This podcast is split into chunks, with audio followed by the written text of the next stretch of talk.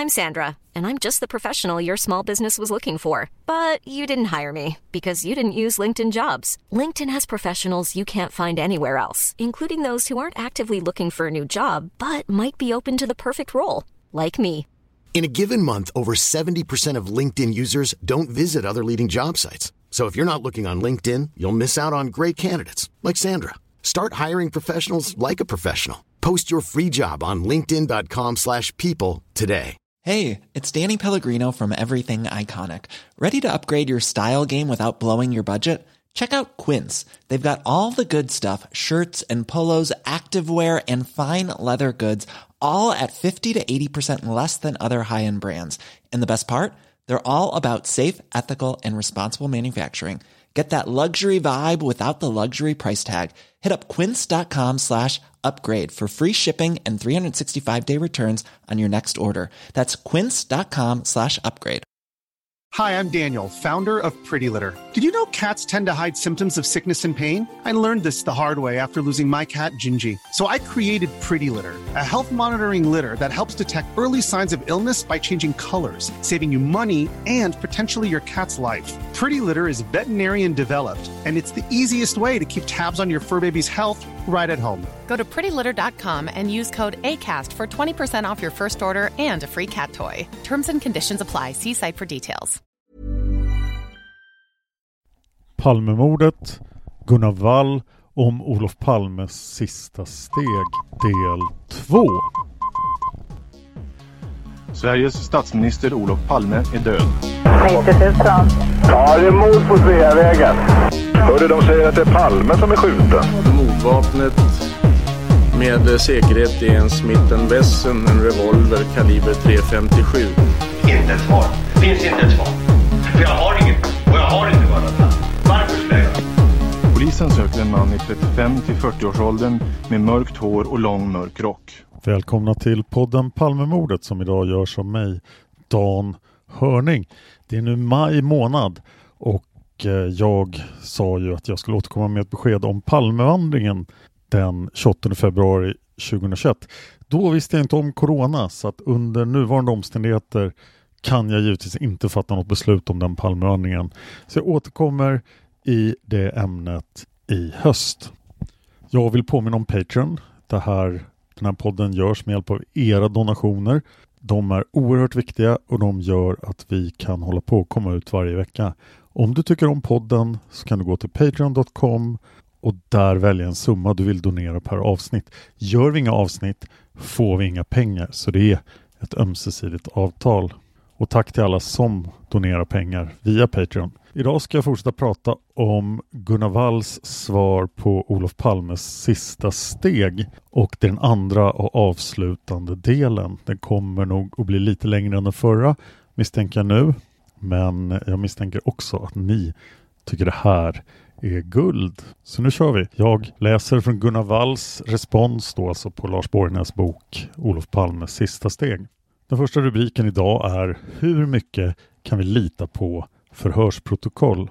Den slutsats som är naturlig att dra redan utifrån vår korta genomgång av några förhörsprotokoll är att förhörsprotokoll måste läsas med viss försiktighet. Det finns stort utrymme för slarv, misstag och minnesfel. Och det gäller i synnerhet om vi letar efter sådana detaljer som inte står i fokus för förhören. Och det är just det som är det övergripande problemet. Frågan om Palme sköts med det första eller andra skottet tycks inte ha varit föremål för förhörsledarnas särskilda intresse i något av protokollen med vittnena från Sveavägen. Ändå ger Lars Borgnäs i sin bok ibland intryck av att han tror att dessa protokoll är pålitliga informationskällor om hela mordförloppet och att sanningen finns att hitta i dem bara man läser dem noga. Låt oss återvända till ett avsnitt i början av boken som jag delvis har citerat förut. Det handlar om att Lars Borgnäs framhåller att han länge missat det han nu anser vara en bevisad sanning, den om den omvända skottordningen. Notera ordvalet. Citat. Jag insåg inte att om man ytterst grundligt med hjälp av utredningens egen dokumentation synar exakt vad som hände när skotten avlossades sekund för sekund så framträder en annan bild av mordet än den vedertagna. Först nu har jag gjort den analysen. Slutcitat. Men problemet är alltså, som jag ser det, att lösningen inte alls behöver gå att läsa sig till i ett mer eller mindre bristfälligt utredningsmaterial. Det är optimistiskt att tro att det går att läsa ut exakt vad som hände ur dessa förhör. Och det stöd som Lars Borgnäs tycker sig hitta för sin tes övertygar i alla fall inte mig. Ny rubrik Argument för att Palme sköts med första skottet. Gunnar Wall fortsätter. För min del har jag alltid utgått ifrån att det första skottet var riktat mot Olof Palme. Jag kan inte bevisa det, men jag tycker mig fortfarande, även efter läsningen av Lars Borgnäs bok, ha rätt övertygande argument för den saken. Låt mig presentera dem och samtidigt komma in en del på varför jag inte är så imponerad av en del av argumenten för att det skulle vara tvärtom. Allra först, den gemensamma utgångspunkten som Lars, jag och de flesta andra har är att gärningsmannens huvudsyfte var att mörda just Olof Palme. Inte Lisbeth och inte någon annan heller för den delen. Det där sista har det faktiskt förekommit teorier om.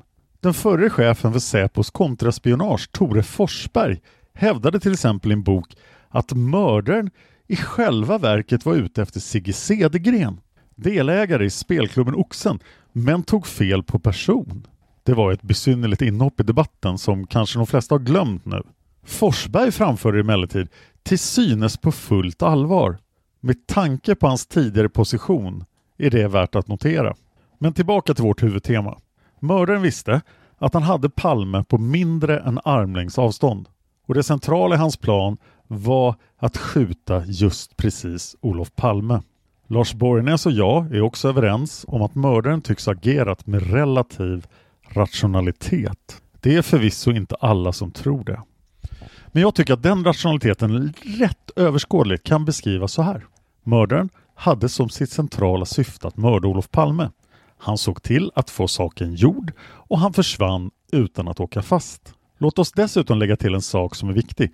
Han lämnade inget efter sig utom kulorna. Och de har hittills inte lett till att han blivit identifierad.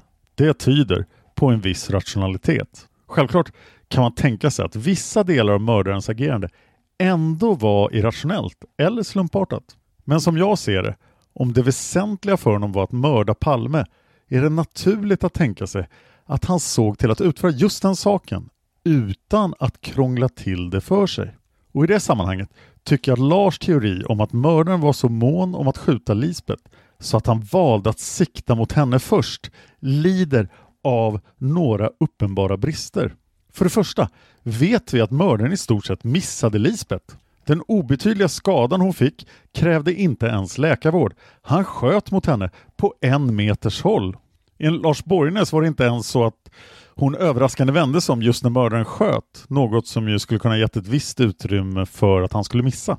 Lars Borgnäs hävdar tvärtom att hon hade vänt sig om redan innan. Skottet borde ju i så fall ha träffat, kan man tycka. Om detta skott mot Lisbeth var första skottet hade mördaren dessutom inga problem att få kontroll över sitt vapen. Han behövde inte övervinna effekten av rekylen från ett tidigare skott Ifall vi accepterar Lars Borgnäs skottordning är det snarare skottet mot Palme som skulle ha skjutits under mindre gynnsamma omständigheter. Men som vi vet placerades det skottet just där det tog som värst. För andra framstår Lars Borgnäs teori om mördarens syften som motsägelsefull. Å ena sidan var det så viktigt att skjuta Lisbeth så att mördaren började med det. Å andra sidan bestämde han sig strax efter för att det inte gjorde något att han missat henne eftersom hon ändå inte skulle prata. Lars Borgnäs framför i sin bok på sid 88 ett resonemang om att mördaren kan ha menat att själva skottet mot Lisbeth skulle varna henne från att avslöja känsliga delar av vad hon hade sett, vilket räckte för hans del. Men om så var fallet kunde ju ett varningsskott mot henne lika väl ha avlossats som ett andra skott efter det att mördaren hade skjutit Olof Palme. För det tredje om mördaren först sköt ett skott som inte riktades mot hans primära offer gav det Palme en chans att reagera på den första hotfulla smällen. Men något sånt tycks inte ha skett. Det finns inte några som helst vittnesuppgifter som tyder på att Palme ropade till eller gjorde någon sorts snabb och ovanlig rörelse innan han blev skjuten. Skottets placering mitt på ryggen understryker att Palme inte alls tycks ha reagerat på ett sätt som vore naturligt inför en hotfull situation. Mördaren hade inga svårigheter att sätta skottet exakt där han ville. Lars Borgnäs menar att Palme visserligen fått en förvarning genom det första skottet men att mördaren klarade att hantera det genom att han skaffat sig full kontroll över sitt offer på två sätt. Dels genom att ha lagt en hand på Palmes axel och dels genom att chocka honom med det första skottet. Jag ställer mig tvivlande. Handen på axeln riskerade snarare att ge Palme tid att reagera över denna lite överraskande beröring under förutsättning av att mördaren inte sköt mot honom direkt. Och om mördaren sköt ett första skott som inte var avsett för Olof Palme är det högst sannolikt att Palme skulle ha reagerat kraftigt. Lars Borgnäs hänvisar till argumentet med distraktionsgranater som insatsstyrkor använder när de ska in i ett rum. Men det handlar om en taktik som är användbar när den som anfaller inte kommer åt att slå till mot sin beväpnade motståndare direkt utan måste exponera sig själv och då vill skapa ett ögonblick av förvirring hos motståndaren. Det finns ingenting som säger att den som utsätts för distraktionsgranaten inte reagerar alls. Tvärtom. Själva poängen är att personen upplever ett hot och reagerar kraftigt både fysiskt och psykiskt men inte vet vad hotet består i och därför inte kan försvara sig. Jag har svårt att se fördelen ur Palmes mördarsynpunkt med att försöka skapa en sån situation. Han är själv beväpnad och han har ingen anledning att räkna med att paret Palme skulle vara det. Palme anar ingen fara och mördaren har honom på mycket nära avstånd. Varför då välja att skjuta ett skott som skrämmer upp Palme och som gör att en kontrollerad situation plötsligt blir avsevärt mer okontrollerad? För mig är det mycket lättare att tänka mig att mördaren utnyttjar ett närmast perfekt läge där varken Olof eller Lisbeth anar hans avsikter. Han skjuter Palme med ett välplacerat skott och skjuter sedan ett skott mot Lisbeth.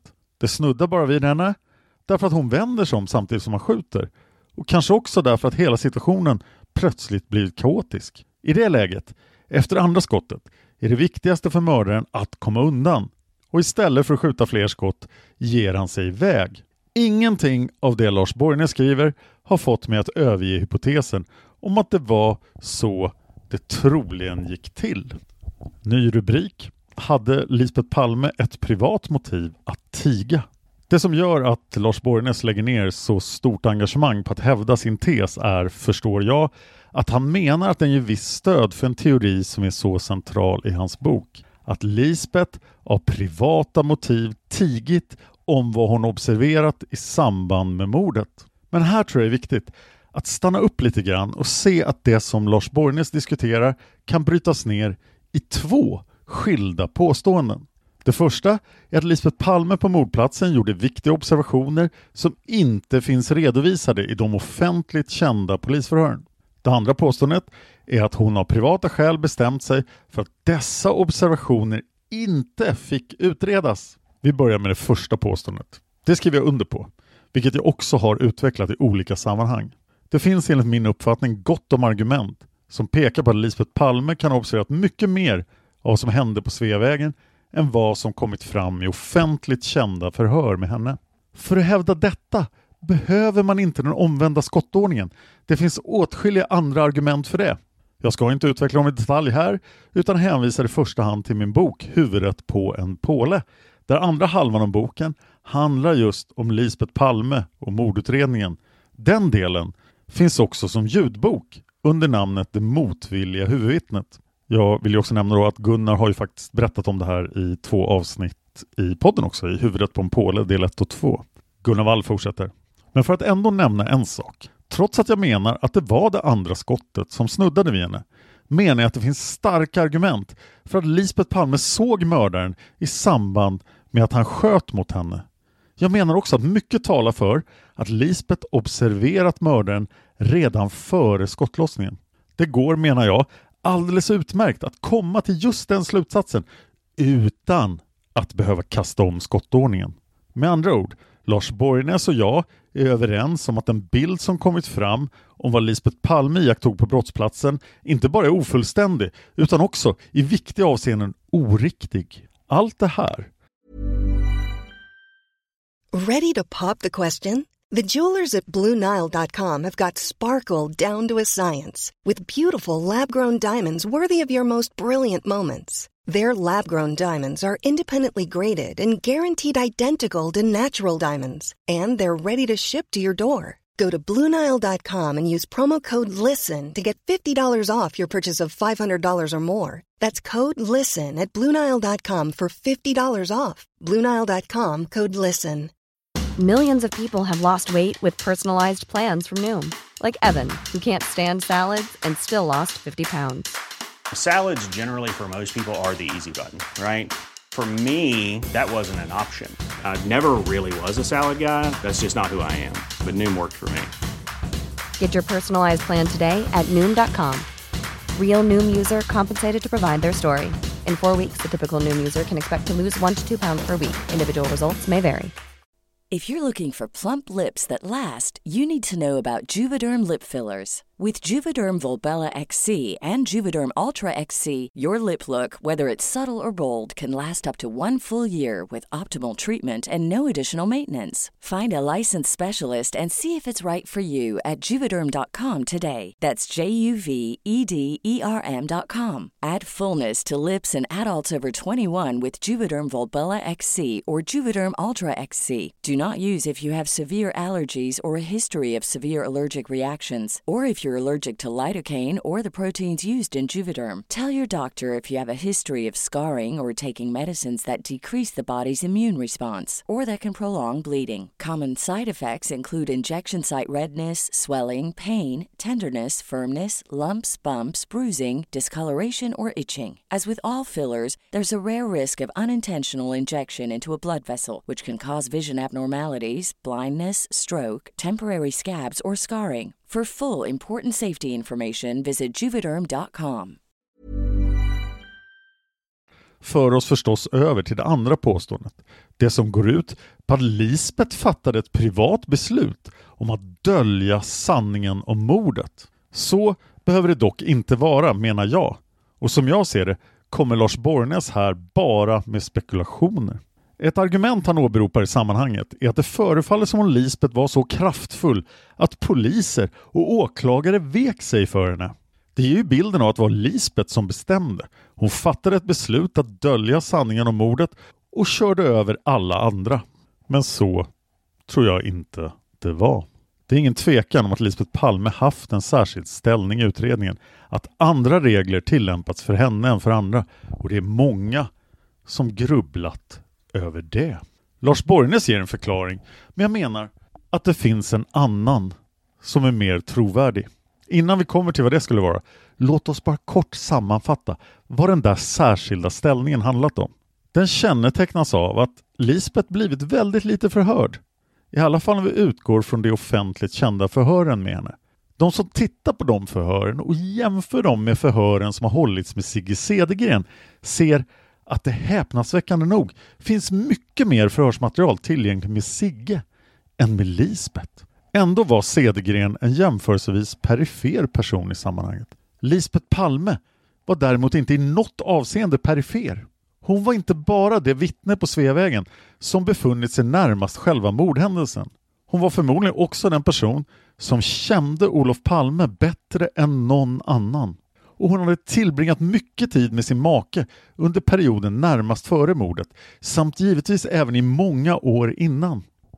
Det kännetecknas också av att hon inte heller deltog i en så central utredningsåtgärd som en rekonstruktion på brottsplatsen.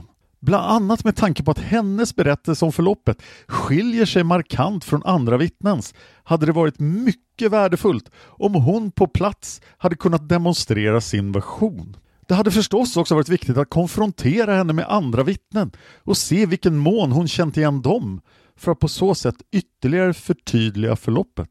Och den kännetecknas slutligen också av att hon tillät sätta upp egna långtgående villkor för sin medverkan i polisförhör, konfrontationsvisningar och till och med domstolsförhör. Allt detta är exceptionellt, ja visst, och det kräver en förklaring. Den numera avlidne författaren och journalisten Sven Aner blev i tiden allt mer uppslukad av frågan och formulerade långtgående anklagelser mot Lisbeth Palme. Till exempel skrev han i en av sina böcker, boken hette Mordets dunkel tätnar kring Lisbeth Palme och det här står på sid 76. Citat. Det måste anses självfallet att Lisbeth Palme när hon tillsammans med sin man promenerade mot Dekorima var medveten om att Olof Palme skulle skjutas vid Dekorima men att någon risk för hennes egen del inte förelåg. Slutcitat.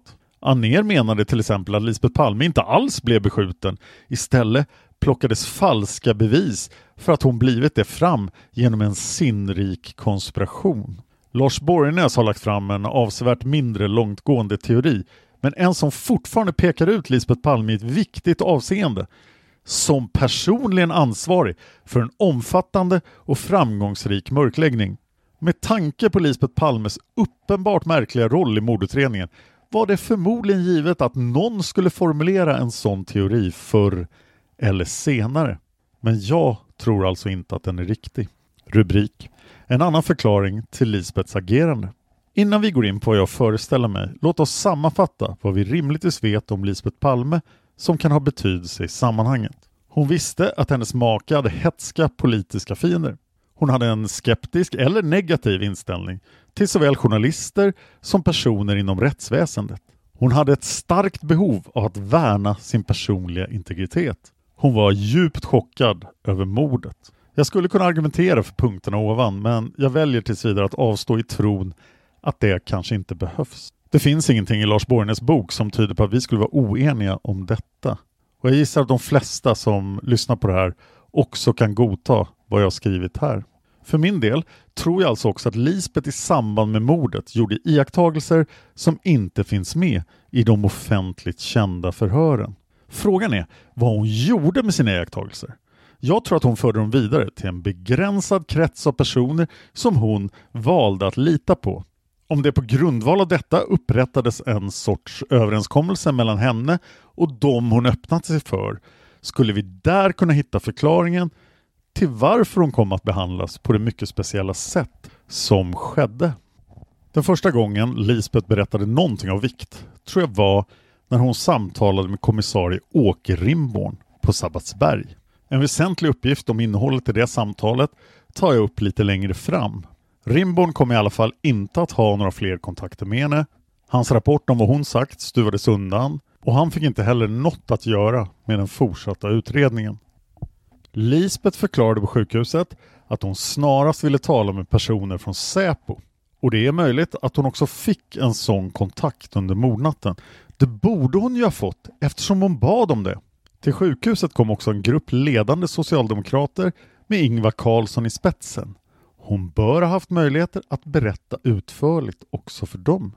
Det finns en omständighet som särskilt förstärker sannolikheten av att Lisbeth mycket tidigt berättat om sina upplevelser för personal inom Säpo och eller höga socialdemokrater.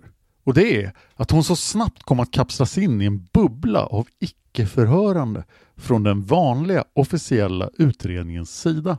Utifrån vad som är känt hölls det enda tidiga formella polisförhöret med Lisbeth på eftermiddagen den 1 mars. Närvarande var statssekreteraren Ulf Dahlsten.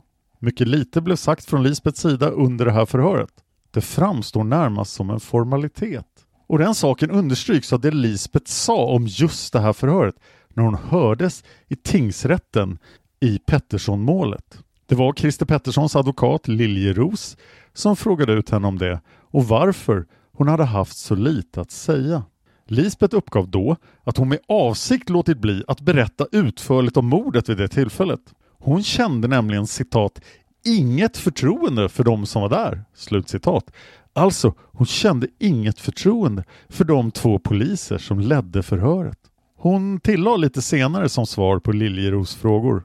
Citat. Jag tror att jag i den situation jag var behövde känna ett starkt förtroende för att kunna tala om så svåra saker. Med andra ord, detta tidiga polisförhör med Lisbeth måste i efterhand betraktas som tämligen värdelöst. Lisbeth medgav ju själv att hon inte hade tillräckligt förtroende för förhörsledarna för att berätta fritt om mordet. Det märkliga är att Lisbeth, enligt vad som officiellt känt, inte förhördes igen förrän den 25 mars då Hans Holmer hade ett samtal med henne hemma hos Ebbe Karlsson på Söder. Det var som om det inte var bråttom att få fram bästa möjliga information från Lisbeth. Holmer upprättade senare ett påfallande kortfattat protokoll från samtalet som enligt hans egna uppgifter pågick i hela 90 minuter. Det som står i dessa två protokoll från den första respektive den 25 mars är tämligen torftigt med tanke på att Lisbeth var ett helt centralt vittne i en mordutredning som officiellt hade allra högsta prioritet. Ändå kunde en anonym poliskälla säga till Expressen i en artikel den 8 april 1986 apropå att Lisbeth inte skulle delta i någon rekonstruktion på brottsplatsen. Vi har redan talat tillräckligt med henne. Det är förstås högst troligt att det verkligen hade genomförts ett antal långa och utförliga samtal med Lisbeth vid det laget. Något annat vore ju extremt besynnerligt. Men vilka som i så fall hade haft de samtalen och vad Lisbeth hade sagt, det vet vi inte och kan bara gissa om. Känner vi då inte till någonting när det gällde vad Lisbeth trodde om bakgrunden till det som skedde på Sveavägen? Jo, något finns det ändå. Det kortfattade protokollet från Holmers förhör med henne i mars 1986 anger faktiskt att Lisbeth betraktade mordet som ett politiskt mord med internationella dimensioner. Så här står det. Lisbeth tror att det kan vara kroater, tyskar, israeler, sydafrikaner eller amerikaner som ligger bakom mordet, knappast kurderna. Hans Holmer föreföll inte intresserad av att följa upp dessa hennes påståenden med några frågor. Istället verkar han bara pliktskyldigt ha skrivit ner några rader om saken så att inte Lisbeth skulle kunna klaga över att han hade hoppat över det. Och några veckor efter det här förhöret styrde Holmer sedan utredningen i den riktning som passade honom själv bäst. Nämligen åt det håll som Lisbeth uppgav att hon inte alls trodde på. Kurderna och PKK. Lisbeth Palme tänktes alltså att döma av Holmers kortfattade anteckning att det rörde sig om ett organiserat politiskt mord. Någon annan tolkning låter sig nog inte göras. Det måste ju tas på visst allvar. Om Lisbeth trodde det förklarar det mycket väl varför hon ville tala med Säpo under mordnatten och varför hon inte ville vara särskilt utförlig när hon hördes av två vanliga kriminalpoliser. Ska man då ta Lisbeth på allvar när hon pekar på sådana tänkbara orsaker till mordet som internationella politiska komplotter? Vad visste Lisbeth om internationell politik? Förmodligen en hel del. Hon hade varit med sin make på i åtskilliga politiska sammanhang, även utomlands. Hon hade i många år varit hans samtalspartner i politiska frågor.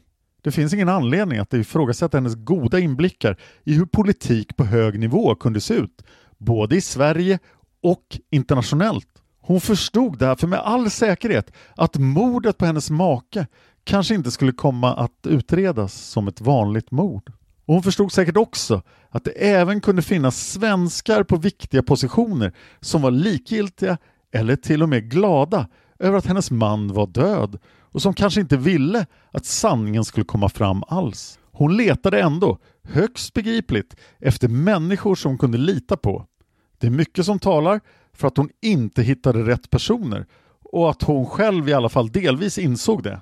Med tiden kom hon själv att uttala sin bitterhet gentemot Hans Holmer. I en rad offentligt kända sammanhang kommer hon i vilket fall att återkomma till hur viktigt det var att bevara sekretessen i utredningen, inte minst omkring hennes egna vittnesuppgifter. Men varför? Varför gjorde hon sådana uttalanden? Det hon berättade när hon hördes i rättegångsförhandlingar mot Pettersson var ju inte några särskilt känsliga saker. Däremot märktes då mycket väl att hon var ovillig att svara på mer än ett absolut minimum av frågor. Trots att någon förundersökningssekretess enligt alla formella regler inte gäller under en rättegång. Det som avtecknar sig, som jag ser det, är att Lisbeth Palme avbördat sig kunskaper hon haft i personer hon hoppades kunna lita på. Förmodligen hade de lovat henne att dessa uppgifter skulle hanteras på bästa sätt och med stor sekretess för att i framtiden kanske kunna användas för att föra utredningen om mordet på hennes make till ett lyckligt slut. Gissningsvis fick hon också uppmaningar att för egen del tiga om det hon visste utom när hon talade med betrodda personer. Med tanke på hennes personlighet och hennes misstro mot poliser och journalister var det säkert inte svårt att få Lisbeth att gå med på något sånt. Och vad som skedde vet vi.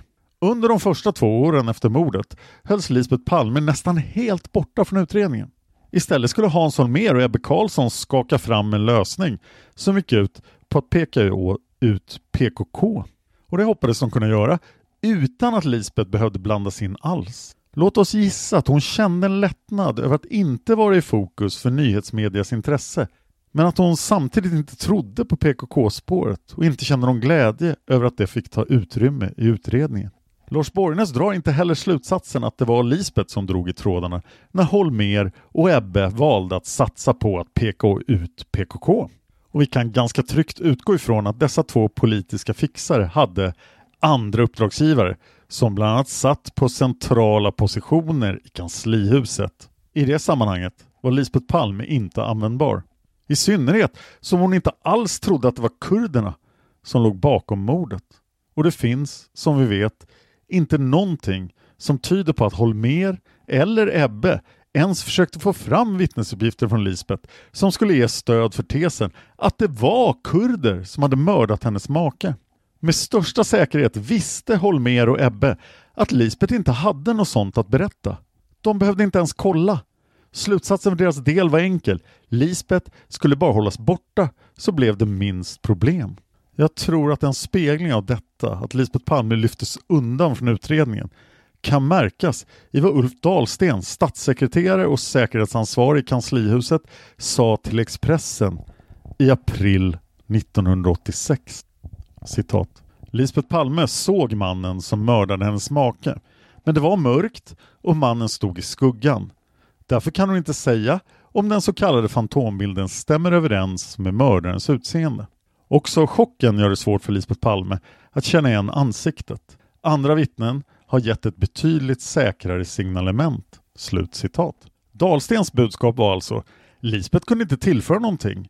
Hon hade inte gjort några iakttagelser av intresse. Långt senare skulle samme Dahlsten, anmärkningsvärt nog, gå i god för Lisbeth Palmes utomordentliga observationsförmåga och för att hennes utpekande av Christer Pettersson var högst tillförlitligt. Dahlsten är ingen oviktig person i sammanhanget. Han borde rimligtvis mer än de flesta andra ha varit i stånd att bedöma vad Lisbeth Palme hade observerat på brottsplatsen och vad hon i övrigt kunde bidra med om mordet. Han var på Sabbatsberg under mordnatten. Han var som noterats närvarande vid förhöret med Lisbeth den 1 mars och han hade åtskilliga kontakter med henne framöver. I sina egna memoarer beskriver han sig som ett viktigt stöd för henne under olika faser av utredningen. Och i det avseendet är det anmärkningsvärt att Dahlsten ändrade sig så drastiskt vad gällde Lisbets förmåga att registrera och minnas mördarens utseende. Det sammanfaller på ett intressant sätt med att PKK-spåret skrotades för att istället ge plats åt en ensam gärningsman vid namn Christer Pettersson. En lösning som snart visade sig kräva Lisbeth Palmes medverkan. Palmeutredarna hade under hösten 1988 genomfört omfattande spaningar på Christer Pettersson, inklusive telefonavlyssning och också förhört en rad personer i hans omgivning. Förhoppningen var att hitta tillräckligt mycket för att få ihop till ett åtal. Det gick inget vidare. Till sist återstod bara att genomföra vittneskonfrontationer för att se om någon kände igen honom från Grand eller från mordplatsen. Det kan förvisso ifrågasättas om sådana konfrontationer var motiverade i ett läge där det inte fanns någon annan bevisning mot Christer Pettersson. Men utredarna hade lagt ner så mycket energi på just honom att de beslutade sig för att genomföra även detta steg. Och då fick de napp i form av ett utpekande från Lisbeth Palme. Det var som vi vet ett utpekande som hade förberetts på ett speciellt sätt från åklagarsidan. Åklagare Jörgen Almblad hade berättat för Lisbeth att en person som de utredde var missbrukare.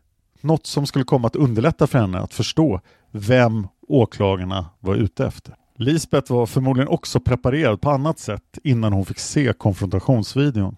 Samma dag hade kvällstidningarna publicerat uppgifter som skapade bilden av Christer Pettersson som en farlig person med en ställning i den kriminella världen. Lisbeth fick se videon och förstod direkt vilken av männen i raden som åklagarna hoppades att hon skulle fastna för. Det första hon sa var ”Det ser man vem som är alkoholist”. Och där borde konfrontationsvisningen avbrutits kan man tycka. Men den fortsatte. Lisbeth reagerade också över Petterssons i hennes tycke skrämmande utseende. Och snart var hon beredd att säga att det var han hon hade sett utanför Dekorima-butiken. Hennes utpekande fick ganska snart en bestämd och slutlig form. Hon hade inte sett ett vapen i hans hand och hon hade inte sett honom skjuta. Men hon hävdade att hon efter mordet sett att han hade stått där några meter bort. Lars Borgnäs bok inleds med ett förord av författaren Lena Andersson som förklarar att hon ansluter sig till Borgnäs uppfattningar. I förordet skriver hon bland annat att hon tror att Christer Pettersson undrade varför Lisbeth Palme pekade ut honom. Citat. Han visste att det inte var sant och han visste att hon visste det. Ändå insisterade hon på att det var honom hon hade sett i ljuset från Dekorimas skyltfönster. Slut citat. Det där kan knappast tolkas på annat sätt än att Lisbeth Palme medvetet ljög när hon sa att hon hade sett Christer Pettersson på brottsplatsen. Var det så? För min del menar jag att det mesta talar för en annan förklaring. Att Lisbeth Palme i samband med visningen av konfrontationsvideon verkligen kom till den för henne skakande slutsatsen att hon hade sett Christer Pettersson utanför Dekorima. Det var med största sannolikhet en felaktig slutsats från Lisbeths sida, men det hindrar inte att hon kan ha trott på den. Lisbeth hade efter skottlossningen sett sig om för att få hjälp.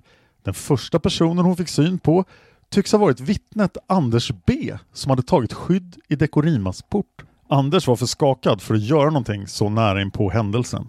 Lisbeth drog å sin sida efterhand slutsatsen att han hade med mordet att göra eftersom han inte hade hjälpt henne.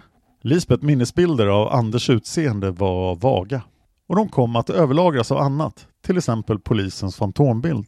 Nära tre år efter mordet fick hon se den uppenbart alkoholiserade och vildögde Christer Pettersson på videofilm. Och det i ett läge när hon av åklagaren hade fått bilden av att utredarna hade varit framgångsrika att hitta tunga bevis mot den här mannen. För annars borde hon ju inte ha kallats till en konfrontationsvisning. Eller?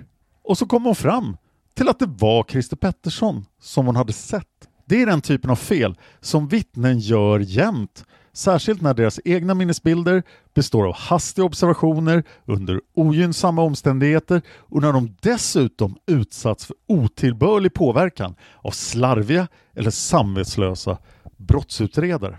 Gunnar Wall fortsätter. Jag menar alltså att det är sannolikt att Lisbeth trodde att Christer Pettersson hade varit på brottsplatsen. Och förmodligen trodde hon att han var en medhjälpare till mannen som sköt. Det bara stått klart för henne att han i alla fall inte var den som tryckte på avtryckaren.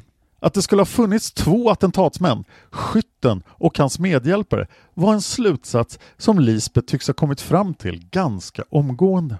Kommissarie Åke Rimborn som talade med Lisbeth på Sabbatsbergs sjukhus har i alla fall berättat att hon mycket tydligt talade om två gärningsmän som befunnit sig vid Dekorima. Och ovanstående är en begriplig förklaring till hur hon kunde ha kommit fram till något sånt. Mycket pekar på att Lisbeth Palme gjorde sitt utpekande av Pettersson utan att ha backat från sin uppfattning om en mordkomplott och att hon var i tron att Palmeutredarna hade fått tag i mördarens medhjälpare, en sorts inhyrd kriminell underhuggare. Sent om sidor fick hon klart för sig att den där tunga bevisningen mot Christer Pettersson, den fanns inte. Det var hennes eget utpekande som skulle bli det centrala i åtalet. Jag föreställer mig att hon också ganska snart drog slutsatsen att åklagaren och polisen inte tänkte borra djupare än så. Christer Pettersson skulle ensam få bära skulden för ett mord som andra låg bakom. Fallet skulle avslutas i statsnyttans intresse. Men när och om Lisbeth insåg det hade hon redan gjort sitt utpekande. Och psykologiskt var det säkert svårt för henne att ens inför sig själv medge att det skulle kunna vara felaktigt. Samtidigt skulle det utifrån Lisbeths perspektiv vara en sorts skenlösning att utnämna Christer Pettersson till ensam gärningsman. Det skulle förklara varför Lisbeth i det läget kände ett så djupt obehag att hon, som åklagaren Solveig Riberdal har berättat, hotade med att inte ställa upp i rättegången. Särskilt plågsamt bör ha varit för Lisbeth att hon hade minnesbilder som hon nu fick leva med själv. Allt skulle bara handla om Christer Pettersson. Inget om den politiska bakgrunden till mordet som hon hade förklarat för Hans Holmér att hon såg som den verkliga förklaringen. Och inget om vad hon med stor sannolikhet sett av mannen som sköt. Allt det hon inte kunde prata om var gissningsvis sånt som ingick i det där känsliga som hon tidigt hade delgett betrodda personer och som hon sedan tigit om under de år som passerat. Hon hade en gång låtit sig övertygas om att hennes kunskaper måste hanteras med sekretess och det hade hon hållit fast vid. Skulle hon nu under rättegången bryta sekretessen fast ingen ville att hon skulle göra det? Vad skulle det i så fall leda till? Om hon valde att fortsätta tiga om sånt, vad skulle hon säga om Christer Petterssons advokater ställde besvärliga frågor om detaljer kring det som hon hade upplevt i samband med mordet? Det är lätt att förstå med vilket obehag Lisbeth måste ha betraktat den kommande rättegången. Och det är lika lätt att förstå att hon försökte göra allt för att begränsa den offentliga insynen i det framträdande hon skulle göra. Liksom att hon försökte svara så lite som möjligt när åklagare och advokater frågade ut henne. Men om vi kan tänka oss detta, då inser vi också att det inte är ett beteende som kännetecknar en kallblodig lögnare som med berått mod beslutar sig för att bidra till att skapa en skenlösning. Det är snarare ett beteende hos ett brottsoffer som har blivit manipulerat av sin omgivning och blivit inträngt i ett hörn. I slutet av förhöret i tingsrätten gjorde Lisbeth ett uttalande som jag tror sammanfattade mycket av hennes känslor. Hon förklarade att mordet på hennes make var en fråga som aldrig skulle bli löst för henne oavsett hur det gick i rättegången. Exakt vad Lisbeth Palme kan ha tänkt under alla dessa år är givetvis spekulativt från min sida i brist på redovisning från personer som har stått henne nära. Gunnar Wall fortsätter. Det enda jag har gjort är att lägga pussel med den ofullständiga information som finns och ingenting jag hittat tyder på att Lisbeth med berått mod skulle ha velat begrava sanningen om mordet. Däremot bör hon ha varit övertygad om att inte hon själv var i stånd att tvinga igenom en rättslig process som gjorde att de ansvariga ställdes till svars om hon händelsevis hade velat försöka. Jag skriver med avsikt ”de ansvariga” eftersom det inte finns några egentliga belägg för att hon hade släppt tanken på mordkomplott trots hennes utpekande av Christer Pettersson. Men om vi delvis tvingas gissa om Lisbeths tankegångar behöver vi inte spekulera så mycket när det gäller hur krafter inom kanslihuset, polisen och åklagarmyndigheten agerade de närmaste åren efter mordet. Här finns det faktauppgifter att dra tydliga slutsatser utifrån. Mest utförligt har jag gjort det i min första bok i ämnet Mörkläggning, statsmakten och Palmemordet från 1997. Jag hämtar gärna stöd av Arne Irvells anteckningar i det här avseendet. Till exempel detta, citat. Om hinder för mordet uppklarande lägges, vem, vilka kan ligga bakom detta? Det måste röra sig om mycket inflytelserika personer.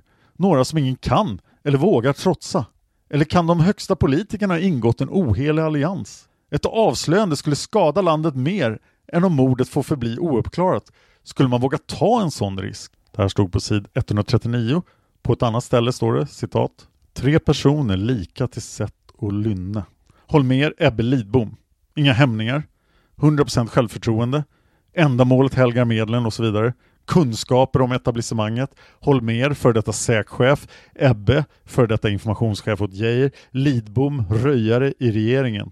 Frågan uppkommer. Vet, visste dessa tre vad vem som i själva verket ligger bakom mordet? och manipulerar i samförstånd och med en tyst välsignelse från rikets högsta ledning. Slutcitat Arne Irvell, det här stod på sid 216. Här skissar alltså Rivell konturerna om politisk komplott för att tysta ner sanningen och det är precis vad jag har skildrat i Mörkläggning. En viktig precisering vill jag dock göra för egen del. Jag kan inte bedöma i vilken utsträckning de statliga mörkläggarna hade direkta kunskaper om vad som låg bakom mordet. Eller om de bara mörklade för att de fruktade vad en förutsättningslös utredning skulle kunna dra fram. Jag har i mitt skrivande gjort klart att jag menar att just Holmer, Ebbe och Lidbom var centrala figurer i ett sådant mörkläggningsarbete. Precis de konspirativa figurerna som Irvell nämner. Och jag anser dessutom att de inte kan ha utfört sina åtaganden utan att ha stämt av med Ingvar Carlsson. Och för att återvända till Lars Borgnäs bok jag tycker alltså att han kommer fel när han missar vad IVL säger och istället lägger ansvaret för denna omfattande mörkläggning på Lisbeth Palme. Lars Borgnäs ägnar en del utrymme åt att föra fram ett resonemang om att hon kan ha styrts av en längtan efter att dölja sin makes snedsprång utanför äktenskapet och att hon därför valde att låta mordet förbli ouppklarat. Han menar att Lisbeth kan ha fruktat att Säpo annars skulle straffa henne genom att läcka sängkammarskvaller. Detta framstår för mig som väldigt spekulativa gissningar och dessutom av ett rätt långsökt slag. Det hade förvisso före mordet förekommit ganska mycket skvaller bland journalister om Palmes verkliga eller påstådda kvinnoaffärer. Men det hade knappast skrivit något. Hur troligt var det då att något sånt skulle dyka upp i tidningarna under den period som följde efter dådet på Sveavägen? I åratal efter mordet fördes det knappt fram minsta politiska kritik av Palme och att någon nyhetsredaktion skulle ha lyft fram uppgifter om den mördade statsministerns påstådda otrohet låg ännu längre från verkligheten. Låt oss komma ihåg att vid den tiden existerade inte heller några möjligheter att sprida rykten via nätet. Det fanns helt enkelt inget internet som vanliga människor hade tillgång till. Rubrik Det slutna Säpo. Slutligen några ord om en annan av Lars Borgnäs centrala teser, att citat ”spåren leder mot Säpo”.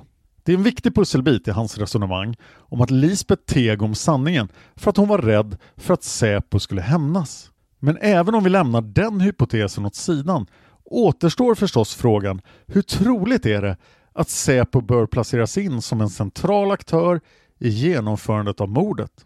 Det finns förvisso ett antal omständigheter som väcker frågor om Säpo eller krafter inom Säpo när det gäller dådet på Sveavägen. Och det som står att läsa om Säpo i Lars Borgnäs bok är i sig tillräckligt för att motivera ett köp. Det är dock viktigt att komma ihåg att det fanns fler hemliga tjänster och liknande strukturer som var knutna till den svenska staten 1986 än enbart Säpo, något som gäller också idag. Vid sidan av Säkerhetspolisen fanns och finns ännu hemligare organisationer på den militära sidan.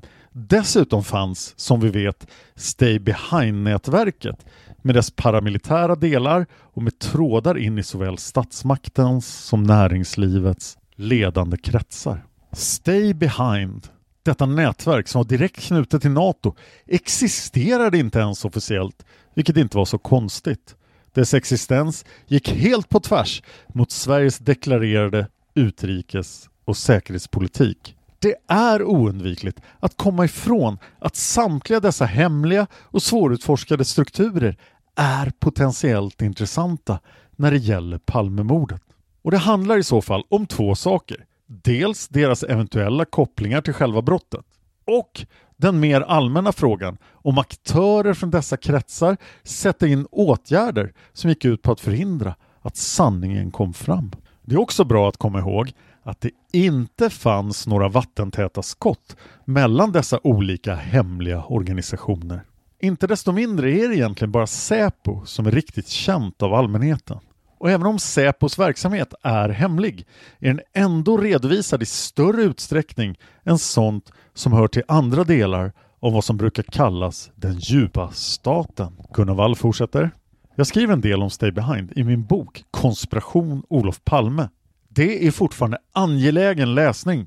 Under mitt arbete med min första Palmebok, Mörkläggning, Statsmakten och Palmemordet, ägnade jag mig desto mer åt att titta på Säpos roll i mordutredningen så långt det lät sig göras. Och det gick faktiskt att få fram en del. Det handlade till exempel om olagliga avlyssningsoperationer som genomfördes i samarbete med expertis från CIA och också om hur krafter inom Säpo utförde viktiga uppgifter i Ebbe Carlssons konspirativa verksamhet. Vid tiden för Palmemordet leddes Säpo av Sven-Åke Hjälmroth och PG Ness. Jag hittade, vill jag särskilt betona, ingenting som fick mig att på allvar överväga slutsatsen att Hjälmroth eller Ness skulle ha varit inblandade i en plan för att genomföra mordet. Det utesluter förstås inte att andra inom Säpo kan ha varit det och inte heller att sådana krafter kan ha ingått i mordkomplott tillsammans med aktörer utanför Säpo. Till det kan förstås läggas möjligheten att någon enhet inom Säpo kan ha utfört övervakning av Palme under mordnatten utan att vara inblandad i mordet och att det därför inom Säpo funnits kunskaper om vad som skedde men att dessa kunskaper bedömts som lämpliga att dölja i nationens intresse. Och där är vi framme vid ett generellt problem, nämligen att information som finns hos Säpo sällan lämnar Säpo. Förutom, ska väl tilläggas, när det byts ut information med vänskapligt sinnade utländska hemliga tjänster. Rent konkret, finns det uppgifter inom Säpo som skulle kunna bidra till att Palmemordet klaras upp så finns det i praktiken inga garantier för att de uppgifterna har lämnats över till Palmeutredningen. Det här är onekligen bekymmersamt. Vi vet förvisso att Säpo gick igång med sitt eget utredande redan under mordnatten. Men vi vet inte hur mycket information med koppling till Palmemordet som sedan dess kommit att lagras i Säpos arkiv, möjligen för att begravas där. En granskning av vilka hemliga statliga organ som kan bära på hemligheter om Palmemordet återstår alltså fortfarande att göra. Men den bör rimligtvis inte begränsa sig till Säpo. En påminnelse om det fick vi när Olof Frånstedt, operativ chef på Säpo mellan 1967 och 1978, gick ut och berättade om sina misstankar om att Barbro-gruppen, en del av Stay Behind-strukturen, kunde ha haft en roll i Palmemordet. Lars Borgnäs har i många år fokuserat på att söka en förklaring på mordgåtan som går i linje med vad han brukar kalla för landsförrädarspåret. Det vill säga att Palme föll offer för mördare som ansåg att det låg i nationens intresse att få bort statsministern eftersom de betraktade denne som en säkerhetsrisk. Om det är sanningen bakom dådet på Sveavägen innebär att mordet närmast bör betraktas som en sorts statskupp. Jag delar Borgnäs uppfattning att en sån möjlighet måste tas på stort allvar. Det är för övrigt ingen särskilt udda tanke. Det var den som Palmes finansminister Kjell-Olof Fält gav uttryck för i sin artikel om polisspåret i Dagens Nyheter. Och det var också något sånt som bekymrade Palmes utrikesminister Sten Andersson när han i en tv-intervju som Lars Borgnäs gjorde 1999 sa följande. Citat Sten Andersson. Jag fick 1986-87 en ganska ingående skildring av en grupp vars medlemmar, några av dem var namngivna, de hade ganska framskjutna positioner inom Säpo. Själva hade bestämt sig för att verka vid sidan om Säpos ledning för att skaffa informationer om framförallt Olof Palme. Han var på något sätt i deras ögon ond i sig och borde därför övervakas. Borgnäs ställer frågan Fick du intrycket att den här gruppen inom Säpo såg Palme som landets fiende? Sten Andersson svarar ja. Sten Andersson berättar att gruppen samlade in information med hjälp av folk utanför Säpo och att det förmodligen rörde sig om personer med gemensam politisk uppfattning. Borgnäs undrar vad den här grupperingen tänkte använda den insamlade informationen till. Sten Andersson svarar Det vet jag inte. Där kan man ju bara spekulera. Att det fanns människor och grupper i vårt land som ville röja Palmevägen, det är väl alldeles klart. Det är möjligt att en och annan fanns i den här organisationen också. Lars Borgnäs har alltså inte släppt det perspektivet och hans nya bok har definitivt saker att tillföra i det avseendet. Men fokuseringen på två i mitt tycke illa underbyggda hypoteser om den omvända skottordningen och om att Lisbet av privata skäl skulle ha mörkat vad som hände på Sveavägen det försvagar en bok som innehåller material värt en bättre inramning. Jag utgår ifrån att Lars Borgnäs inte håller med mig om det. Och precis som jag gjort efter mina recensioner av Jan Stocklassas och Thomas Petterssons böcker välkomnar jag honom att svara mig. Och det var slutet på Gunnar Walls recension av Lars Borgnäs bok. Palmemordet finns på Facebook. Gå gärna in och like oss där. Lämna gärna en iTunes-recension om ni lyssnar på podden på en Apple-plattform för de hjälper andra att hitta podden. Jag kommer att läsa upp alla iTunes-recensioner i podden. Jag hoppas ni mår bra allihop i de här märkliga tiderna det är nu. Jag spelar in det här den 8 april 2020. Då är dödstalen ökande i eh, covid-19. Jag hoppas ni alla mår bra och eh, jag längtar efter när jag får möjlighet att träffa Gunnar Wall igen ansikte mot ansikte och givetvis skulle jag gjort de här avsnitten med honom närvarande. Även om tekniken svek mig senast med Borgnäs så skulle jag gjort det. Men nu kände jag att det var bättre att göra dem så här. Jag tar gärna emot er feedback på det också. Den lämnar ni lämpligtvis på just Facebook. Jag finns på Twitter och Instagram också. Där kan ni följa alla mina poddar. Jag driver just nu 12 poddar. Eftersom jag är instängd hela tiden så har jag lite mer tid att podda. En av de nya poddarna är Olösta mord. Där tar jag upp andra olösta mord och försvinnanden. Den finns på Acast och där poddar finns, men inte på podcaster. Kolla gärna upp den. Tack till Gunnar Wall för den här recensionen och tack till dig för att du lyssnar på Palmemordet. Man hittar Palmes mördare om man följer PKK-spåret till botten. Därför att ända sedan Julius Caesars tid har jag aldrig hört talas om ett mord på en framstående politiker som inte haft politiska skäl. Polisens och åklagarens teori var att han ensam hade skjutit Olof Palme. Och det ledde också till rättegång.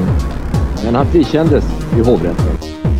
Nu ska vi ut på rövarstråt. Ja, vi ska ut och röva. Want flexibility? Take yoga. Want flexibility with your health insurance? Check out United Healthcare Insurance Plans. Underwritten by Golden Rule Insurance Company, they offer flexible, budget friendly medical, dental, and vision coverage that may be right for you. More at uh1.com. Imagine the softest sheets you've ever felt. Now imagine them getting even softer over time. That's what you'll feel with Bowl and Branch's organic cotton sheets. In a recent customer survey, 96% replied that Bowl and Branch sheets get softer with every wash. Start getting your best night's sleep in these sheets that get softer and softer for years to come. Try their sheets with a 30-night guarantee. Plus, get 15% off your first order at bowlandbranch.com. Code BUTTERY. Exclusions apply. See site for details. Hey, it's Paige DeSorbo from Giggly Squad. High quality fashion without the price tag. Say hello to Quince. I'm snagging high-end essentials like cozy cashmere sweaters, sleek leather jackets, fine jewelry, and so much more. With Quince being 50 to 80% less than similar brands. And they partner with factories that prioritize safe, ethical, and responsible manufacturing. I love that. Luxury quality within reach. Go to quince.com slash style to get free shipping and 365 day returns on your next order. Quince.com slash style.